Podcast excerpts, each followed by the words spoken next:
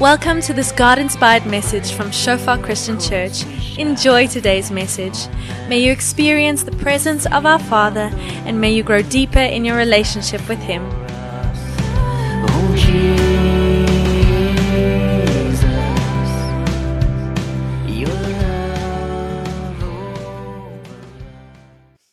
Welkom almal by Zoom Kerk. Dit is lekker om hier te wees. Ehm um, is ek hard genoeg kan iemand vir my 'n chop chop of iets stuur? As hy dankie dankie dankie dankie dankie Karla en Vian. So ek wil vanoggend ehm um, 'n bietjie gesels oor iets wat ek nogals die ehm um, die laaste laaste ruk baie op my hart is en ek in my eie lewe toepas en, en regtig met die met die gemeente ook wil deel. En ek gaan so klein bietjie gesels oor oor Jakob se gestoeiery met God en dit is dit is regtig dit moet een van die vreemdste uh een van die vreemdste geskiedkundige gebeurtenisse in die Bybel wees. Nou moet ek ook mooi dink wat alhoewel die Nuwe Testament so mooi um doktrines en die beeld van Jesus vir ons oopbreek en wys, is van die goed in die Ou Testament regtig vreemd. Ek meen daar's diere wat praat, hulle bring kos en vleis en jy weet klippe gee water so uh die feit dat dat Jakob met God gestoei het, pas ek hom maar in, jy weet. Maar ehm um, wanneer dit interessant raak is as ek dit lees en en nou sit ek in my uh, op my leesbank met die Heilige Gees en ek vra okay nou so Jakob het nou gestoei met God maar die hele Bybel is toepaslik vir elke gelowige elke dag. So wat wat moet ek my stoeipak aantrek? Wat moet nou hier gebeur jy weet? Uh hoe vat ek die feit dat Jakob met God gestoei het en iets daar gebeur wat wat betekenisvol was in my lewe en vandag? En ek ek deel met julle sommer wat die Heilige Gees vir my leer in hierdie tyd rondom dit. Nou ek wil so klein bietjie praat oor oor anatomie. So baie van julle sal onthou dat ek is eintlik 'n biokinetikus gewees voordat ek 'n pastoor was. En wat interessant is van hierdie stuk, kom, kom ek lees dit gou vir ons. Ek lees vir ons uit um, Genesis 33 ons gaan nie vandag vir julle slides opsit nie. Ons gaan lekker gesels rondom hierdie en ek gaan dit sommer lees. Jy kan net lekker saam luister. Maar jy gaan hierdie kry in Genesis 32. Ekskuus. Ehm um, en ek tel hom op hierso by vers 24. Genesis 32:24. Hy het daar alleen agtergebly. Dis nou Jakob. 'n Man het gekom en met hom gestoei tot dagbreek toe. Toe die man sien dat hy hom nie onderkry nie, het hy Jakob op sy heup geslaan sodat dit uit potjie spring. Toe sê die man: "Los my nou, die dag begin al breek." Uit asem sê Jakob: Ek sal jou net laat gaan as jy my seën. Wat is jou naam? vra die man. Hy antwoord Jakob. Jou naam sal nie meer Jakob wees nie, sê die man vir hom. Van nou af is dit Israel, want jy het met God en mens geworstel en nie opgegee nie. Wat is jou naam dan? vra Jakob hom. Hoekom vra jy my wat my naam is? Antwoord die man. Toe seën hy Jakob net daar. Ehm um, Jakob het die plek Peniel genoem want hy het gesê ek het God in die gesig gekyk tog is my lewe gespaar. Nou dit dit is um, ongelooflik om te dink om te probeer die prentjie sien waar um, waar Jakob daai aand met God gestoei het. Nou ek wil net vir jou sê as jy kyk na die skouergewrig, nê, die skouer die skouergewrig is eintlik 'n baie flimsy uh, gewrig. Meeste fisios of dokters sal vir jou sê die die potjie van jou van jou humerus, jou boarm, hy lê amper so half net amper teen so 'n plat kant wat hier vanaf jou blad afkom. En dan sal 'n mooi kapsule oor en 'n paar ligamente.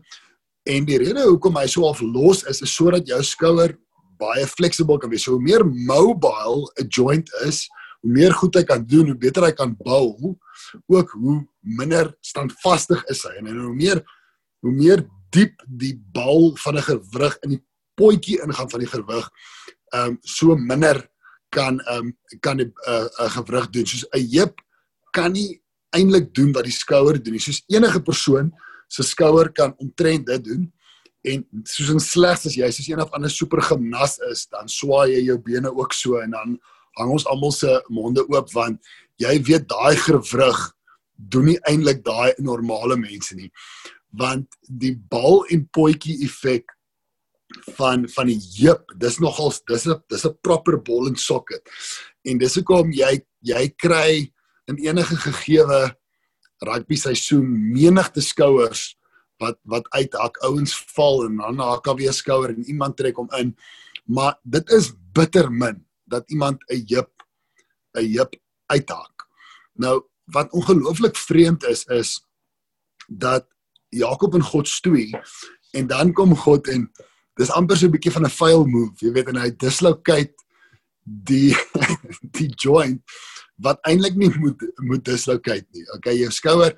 Wat interessant is, jy jou skouer uithak en jy's alleen, as jy iets op die grond vasvat soos 'n boomwortel en jy staan op dat jy net so half krom is en jy staan op, dan sal jou skouer anatomies sal hy inhak waar hy moet wees. So dis 'n tip as jy nou aan die veld is, Bear Grylls, vat 'n swaar klip of selfs jou voet, hou vas met daai skouer wat uitge wat uitgehak is en dan soos jy opstaan sal hy sal hy regkom.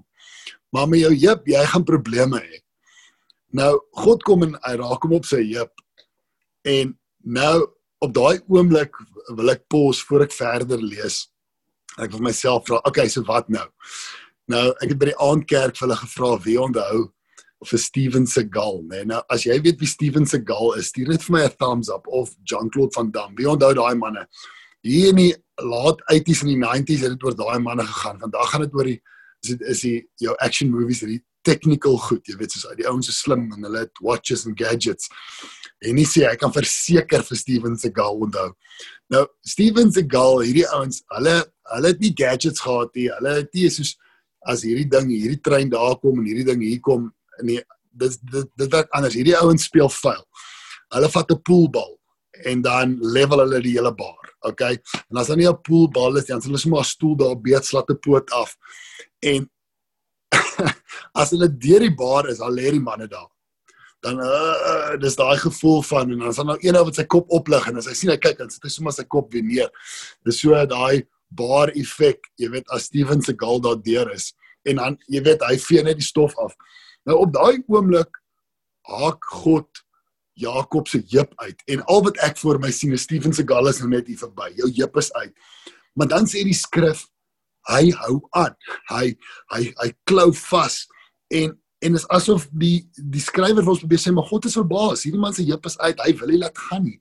En hy sê ek is hier vir iets. Ek wil hê jy moet my seën. En ek dink die een ding wat vir ons daar moet uitspring is dat hierdie man, hierdie Jakob op daai oomblik was ernstig om by God iets te kry wat hy weet hy net by God kan kry. En hy het vasgebyt en vasgehou. Nou om net so klein bietjie Jakob se situasie te verduidelik wat wat sou gebeur, wat het gebeur net voor hierdie stoei geveg en wat gaan gebeur net na die stoei geveg. Dis nogals belangrik want dit help ons met hoekom hierdie stoei geveg belangrik is vir my en vir jou vandag. Nou Jakob het sy pa verneek en sy broer en sy broer se geboorte voorregte en seëngebede gesteel. So Jakob is al weg, sy maat het hom gesê, "Chaila, jy moet hardloop want jou broer gaan vir jou doodmaak." Jakob gaan bly toe by sy oom Laban en sê vir sê vir sy oom, "Ek hou van jou dogter Rachel. Ek vir jou 7 jaar werk en dan ehm um, wil ek jou dogter Rachel as my vrou vat." Hy werk vir 7 jaar. Laban verneek toe vir Jakob in die aand, ek weet nie hoe dit gewerk het in die huwelikseremonies. Ek weet nie of dit baie donker was nie. Ek weet ook nie of Jakob met bietjie baie wyn gehad het nie, maar hy het nie besef dat Laban vir hom die verkeerde vrou gee. Die volgende oggend raak hy wakker, hy sê maar hier is die Rachel, hier is Lea. En Laban sê jammer, ek sou vir jou vir Rachel ook gee, maar jy moet nog 7 jaar werk. So iemand kom steel 7 jaar van sy lewe. Nou dis vinnig om dit te lees, maar dink gou vir 'n oomblik aan 7 jaar iemand kom steel 7 jaar by hom en gereeld probeer Laban hom so verneek met die diere en en die goed. So op die ou end van die dag kom hy weg van Laban af. Ek weet nie of hy kwaad en bietjie bitter is nie. En hy trek, hy kom weg daar. Laban is agter hom aan. Hy wil hom seermaak want sy dogters en sy kleinkinders gaan saam met Jakob. So agter hom is dit nie lekker nie. Hierdie man het my verneek. Hy's agter my aan. Is hy vir my, is hy teen my? Ek is op pad weg met sy dogter. Soos omtrent familie familie ehm um, drama. Maar nou die probleem is hy's op pad na Esau toe. Die broer wat hom heel moontlik wil doodmaak. En hy het by Esau gevat waarvoor hy geleef het. Hy het alles by Esau gevat basies. In die Ou Testament tye was om eerste te wees baie belangrik, die die oudste kind. En Jakob het gesteel by Esau. En hy's op pad na Esau toe. So agter hom lyk dit my verlede so gemors. Jare verloor. Voor my is ek op pad na my broer Esau toe en dis nou waar hier waar ek is. Nou op hierdie oomblik net voor hy met God stoei het hy sy het hy sy besittings half uitgepak en opgedeel en hy het vir van sy dienaars gesê, "Raai, julle manne vat die kamele gaan voor en agter hulle julle vat die donkies." En so vat hy geskenke na Esau toe met die hoop dat Esau se hart gaan sag raak, dat wanneer hy by Esau uitkom en al die geskenke hom oorweldig, daar vir hom hoop is. Maar in dit alles gebeur hierdie aand waar hy met God stoei. En dis vir ons baie belangrik om hier aan te switch. Want heeltyd is is Jakob besig om dinge vir homself te wangle. Hy trek so sy broer aan, hy sy ma help hom met die hierdie hierdie stew maak om sy pa te vang. Hy hy het op 'n kol van Laban ook gevang met die diere. Hy het heeltyd so afgeskiem, maar hy kom op 'n plek wat hy besef ek kan nie so lewe nie. Iets gaan moet gebeur in my lewe hier en nou. My verlede lyk nie so great nie en my toekoms is dalk gevaarlik. Ek weet nie hoe lank ek gaan lewe nie. En daai aand besluit dit is hier en nou, dis ek en is God. En hy gaan en hy het 'n interaksie met God wat hier beskryf word as 'n stoeiery en hy weier om te laat gaan. En hierdie man met al sy schemes met mense, sit alles eenkant en hy stoei met God en hy fokus. Sê God, ek is hier om met jou te stoei. Seën my, dis ek en u. Nou as ons die term stoei gebruik dan dit kan soms 'n klein bietjie disrespekvol klink, maar ek dink nie ek dink nie God wil hê ons moet dink jy moet met God in 'n MMA fight betrokke raak of iets nie. Skoon my. Ek dink die idee is hierso dat elke mens stoei.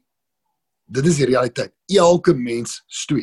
Jakob het gestoei daai tyd toe hy sy broer verneek het met Laban en hy so pad na Esau toe. Elke mens stoei met jou verlede, met jou toekoms. Maar die vraag is met wie stoei jy en hoe stoei jy? Alraai. Waar sit jy jou fokus wanneer die wiele afkom? Uh dis interessant. Dawid skryf in Psalm 38. Hy sê ek's uitgeput. Hy sê ek's plat geslaan. My liggaam breek. En dan sê hy iets baie belangrik. Hy sê maar ek hoop op U. U sal antwoord gee. So wat hy basies sê is vanuit my seer, vanuit my pyn, hierdie mense wat my jaag, hier waar ek opgemors het, as ek alles aan dink, moet ek dit neersit en sê ek kyk net na U. Ek kyk hier in die oë. Ek kyk na U en U moet antwoord. En op 'n manier is dit wat Jakob gedoen het daai aand alles agter my en alles voor my. Dis nou hier ek en God en ek besluit dat van hier af gaan ek my struweling bring tot voor God en ek gaan met hom reël wees, eerlik wees, gaan my hart oopmaak en ons gaan engage. En laat my lot eerder in God se hande wees as 'n mens. En dit is vir ons 'n belangrike ietsie om op te let. So as ons dit na onsself toe bietjie bietjie trek, dan is daar een of twee gedagtes wat ek vir ons wil gee vir oggend. Om net hierdie notaatjie van my uithaal. Sê. Vir elkeen van ons wat ver oggend hierna luister en vir elke mens al buite, ons sit met 'n met 'n verlede. En as ons terugkyk na ons verlede, dan is daar sekere goed wat ons opgewonde maak en daar sekere goed wat ons bly maak of skaam maak en ons kyk vorentoe, daar's sekere goed wat ons opgewonde maak en daar's sekere goed wat ons bang maak. OK. Nou wanneer ons na ons eie lewens kyk en ons kyk na ons verlede en daar's baie gebrokenis, dan is ons baie geneig om te sê ja, maar die rede hoekom ek nie thrive nie is omdat daai goed in my het in my verlede gebeur. Dit is eintlik Esau se skuld wat agter my aan is en dis Laban. Hy het my verneek. Dis sy skuld dat ek ehm um, nie joy het nie want hy het 7 jaar by my gesteel. So almal wat nou saam met my lewe moet net besef en net daarmee vrede maak dat ek is 'n mens. Ek maak 'n storie op hoor met mood swings, maar dit is Laban se skuld. OK. Gooi dit aan die kant toe. Mense wat saam met my lewe, moet maar net besef ek is angstig en kort van draad en bietjie bitter want ek is op pad na Esau toe. En ek weet nie hoe Esau gaan optree as ek by hom kom nie, maar almal moet net verstaan, hierdie is hoekom ek en nie regte vriendskappe wil maak nie want ek is te bang wat gaan gebeur in die toekoms by Esau. So wat gebeur is, die duiwel gebruik jou verlede wat daar gebeur het en jou toekoms die vrese en wat jy kan doen is jy kan nie lewe waar jy is nie. Jy kan nie lewe en blom en vrug dra en awesome skep en om jou kyk en begin lewe met joy nie want jy is bekommerd oor wat kom en jy is kwaad oor wat gebeur het. Aan die ander kant kan dit ook wees dat jy bitter bevoordeel is en dat jy kom ehm um, kom ek ek ek het niemand na gedagte nie. Ek dink sommer jy kom uit 'n baie bevoordeelde huis uit. Ouers het dinge vir jou mooi beplan, ongelooflike uh, pragtige skool by gewees, universiteit, dinge werk vir jou, pa kon vir jou 'n kar na huis gee toe jy um, toe jy uh uh trou en so jy kan sê, "Hey, dit gaan goed met my want my pa het vir my gesorg so jy sit jou waarde in in jou familie, maar jy kom nie agter jy's eintlik jy's eintlik trots en ouens sukkel om met jou te connect want mense wil by die regte jy uitkom maar jy ry op die brander van wat jou ouers gedoen is goeie ding, maar dit is waarop jy staan en jy hou aan glo dit sal goed gaan met jou as gevolg van ag, jy weet rykdom en familiegeskiedenis en dit is moeilik om met jou te connect. Want dis moeilik vir jou om te lewe waar jy is want jy lewe uit die momentum van die verlede en daai momentum vertrou jy gaan aangaan vorentoe. Maar wat albei daai mense mis, die wat kom ons sê seer gekry het of die baie momentum het, is dat God roep jou om nou hier waar jy is te lewe, te thrive en te oorkom en met God interaksie te hê met wat nou tans in jou lewe gebeur. En Jakob wys vir ons hoe. Hy kyk God in die oë Hy noem die plek Peniel, hy sê want ek het God in oë gekyk en hy besef, okay, met alles wat gebeur het en alles wat kom, dis onseker wat kom, maar reg hier en op hierdie oomblik sit ek in God. En hy wil nie van God laat gaan nie. En ek dink sy heup kry seer op daai oomblik. Sy heup is gedislokeer, maar hy hou aan God vas. En miskien is dit die eerste keer dat hy so lewendig voel in sy hele lewe. Dit maak nie saak hoe seer sy liggaam is nie. Hy kan nie laat gaan van hierdie oomblik in God se teenwoordigheid En so die vraag wat ek vir jou wil vra is, is jy 'n vyand van die verlede? Ag, nie 'n vyand nie, is jy 'n slaaf van die verlede en leef jy met angs vir die toekoms? Niemand hoef 'n demoon uit jou uit te dryf nie. Daar's nie 'n week kamp of vas wat jy nodig het om te doen nie. Miskien is jy jou lei, maar hier's wat dit is. Ek en u moet besef dat die verlede is nou verby. Okay? En God wil iets daarmee doen. En die toekoms kom nog en God sal daarna kyk. Maar die vraag is gaan ek en jy hier en nou besluit om te lewe waar God ons nou gesit het met ons hande op God en 'n seëning wees vir die mense rondom ons. Jakob stoei met God en hy sê seën my.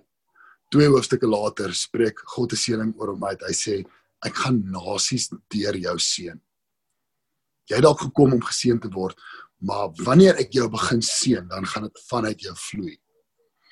Jesus, ehm um, kom, hy's verneek deur 'n goeie vriend. Hy's hy's hy's oorgegee deur 'n goeie vriend en 'n ander vriend gaan hom binnekort absolute lafaard wees. Baie mense het van hom al weggedraai. Hy het hy het al die reg om te sê, jy weet, die laaste 33 jaar op hierdie aarde was net 'n gemors geweest hier en daar was daar iemand wat respek gehad het, maar mense is altyd teen my, hulle spot my en nou gaan hulle my kruisig. En die kruis lê voor hom, maar in daai oomblik in die tuin sê hy o my Vader, net vir nou is dit ek en u in hierdie oomblik. O my Vader. As dit moontlik is vir vir hierdie hierdie storie geveg om te gaan, laat dit gaan, maar nie my wil nie, u wil. En hy wys weer vir ons iets soortgelyk wat met wat met Jakob uh, gebeur het en hy connect met God in daai oomblik en omdat hy dit doen kry hy die krag om te doen wat hy moet doen. En dit is om 'n seëning te wees vir almal van ons deur te sterf en 'n battle vir ons te fight.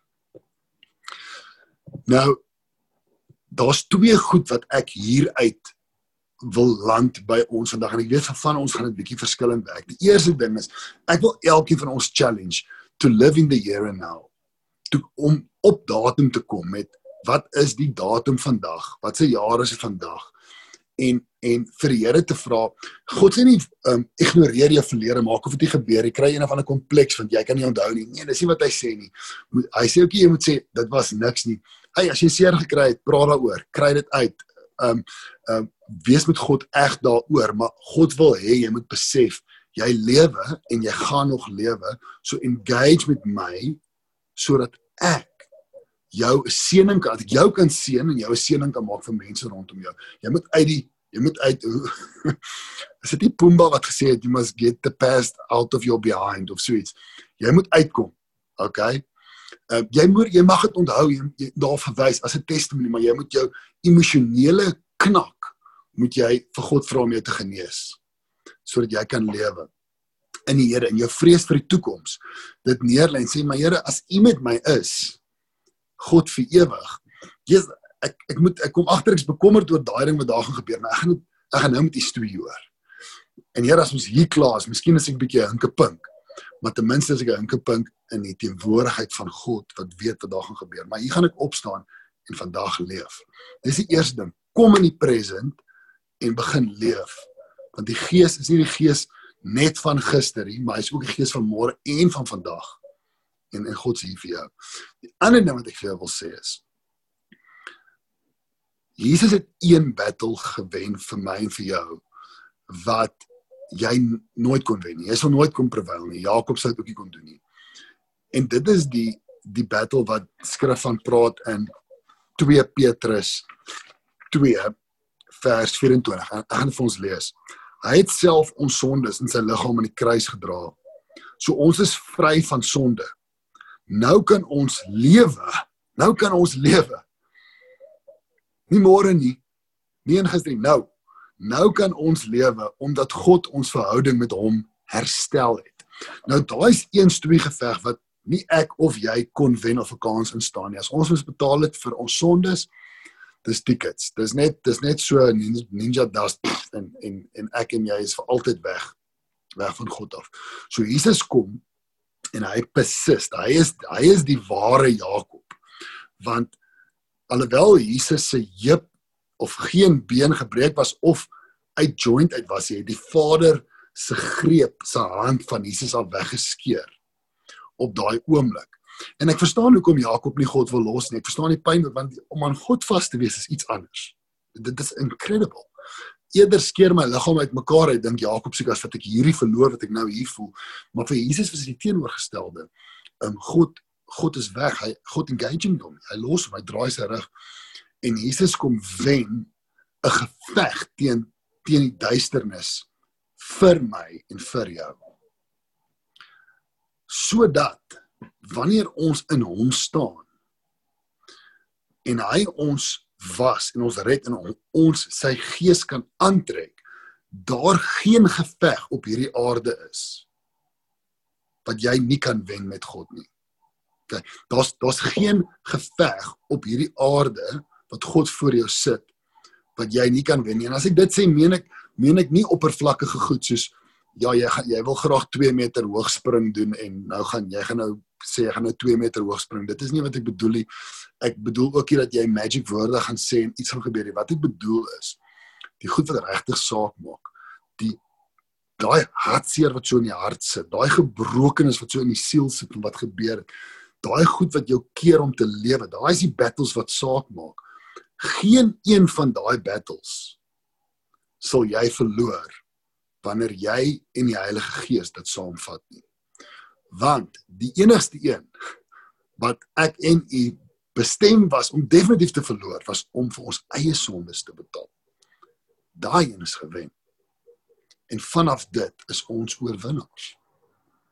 Ons moet uit die verlede uitkom en op 'n manier ook uit die toekoms uit. Ons moet bietjie uit die toekoms uit ook kom sodat ons regtig kan lewe waar ons is. Dis al hoe ons iets kan beteken.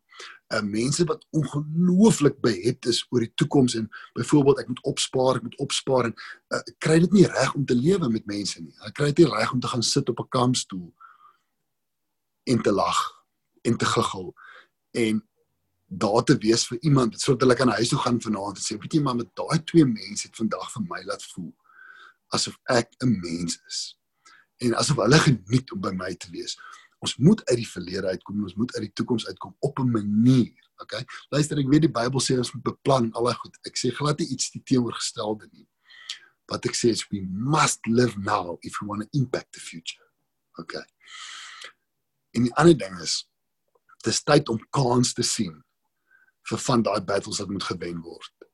Dis tyd om kans te sien vir daai daai probleem wat jy dalk het met jou geduld of daai probleem met die gebro gebroke hart, daai daai daai hart wat gebreek is as gevolg van ma of pa of of broer, dis tyd om kans te sien daarvoor.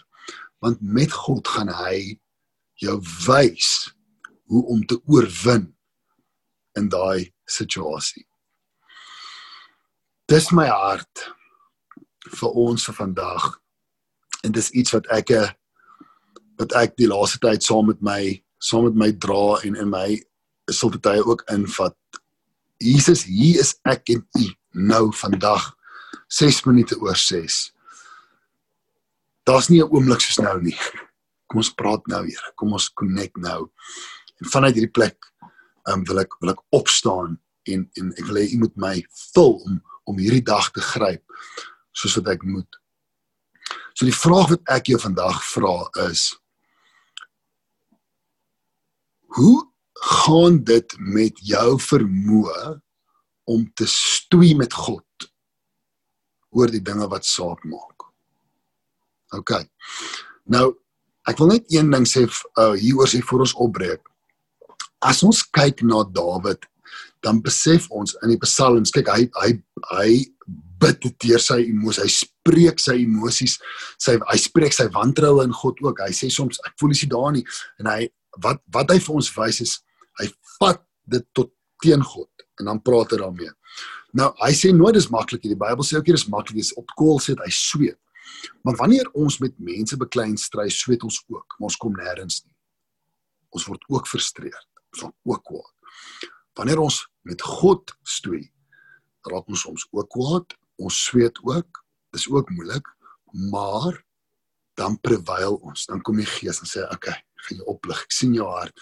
Jy jy is hier om na my te toenader en ek sal na jou toenader. En so my vraag vir jou is, miskien kan jy so 'n bietjie verwys na jou verlede of jou toekoms as jy wil lewe jy dalk meer in die verlede en meer in die toekoms. Maar my vraag is, kry jy dit reg om te stoei met God oor die dinge wat belangrik is? Sodat sodat soos jy stoei, miskien is hierdie 'n nuwe ding vir van julle, kan jy vertrou dat daar gaan vordering gebeur want hier is die plek waar jy moet stoei en jou vra vra en jou gebroke hart bring by die een wat iets daaraan kan doen en wat vir ons gereeld terugwys na wat Jesus gedoen het om ons te help met hierdie gebrokenis en die vrae wat ons het. Ek gaan vir ons afsluit en ek gaan bid dat die Here almal van ons sal help om te prevail wanneer ons met hom stoei soos Jakob. Al het ons 'n bietjie van 'n limp. Ehm um, want om met God te stoei is die plek om te wees. Ja, Here, ek wil net vir u dankie sê dat u daai fighting spirit in ons gesit het as mense. U het ons gemaak om ja, ons ons het nie ons het nie lief, Here, op matige maniere nie. Ons het ons het liefde soos 'n vuur wat brand en soms voel dit soos water wat dit blus. Dis op en is af. Ons het iets ons gemaak om passionate te wees. En daarom as as as iets rondom ons breek en as as verhoudings skeer, dan ervaar ons dit visceraal, Here. Ons ervaar dit in ons emosies. Dan wil ons engage en ons wil daar wees. Ons wil ons wil met iemand praat en Here, ek wil vra dat ons sal leer om daai harte van ons te vat tot by U en oop te wees en te sê Here, ek is kwaad en ek gaan nie opstaan voor voor nie vir my sê nie. Ehm um, Here, ek is seer met wat met my gebeur het. Hoekom het daai met my gebeur? Hoekom hoekom moes ek daai ervaar, Here, toe ek so oud was en hoekom pla dit my nog vandag? Maar nou is ek by U en ek gaan met U hieroor worstel totdat U my aanraak, Here. Want ek soek eerder 'n uitpotjie heup as 'n gebreekte hart, Here. Leer ons om tot by die aangesig van God te kom en besigheid te doen. Ons prys U naam, Here. Dat U so goeie God is, Here. Here, ons ons ons sê ook net dankie dat ouens soos Dawid wat U kies.